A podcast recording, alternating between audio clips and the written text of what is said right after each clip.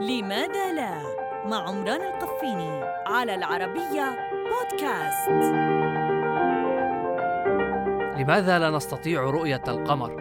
عزيزي المستمع إذا كنت تظن أنك ترى القمر حين تنظر إليه ليلاً فاعلم أنك لا تراه وإنما ترى صورته قبل ثانية ونصف الثانية.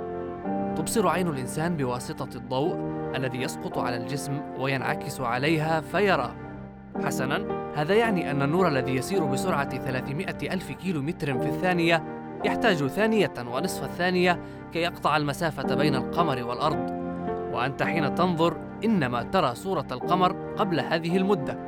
أما إن قدر لك أن تنظر للشمس في نظارة خاصة مثلا فإنك ترى صورتها قبل ثمان دقائق وهكذا مع أي جرم سماوي حسب المسافة.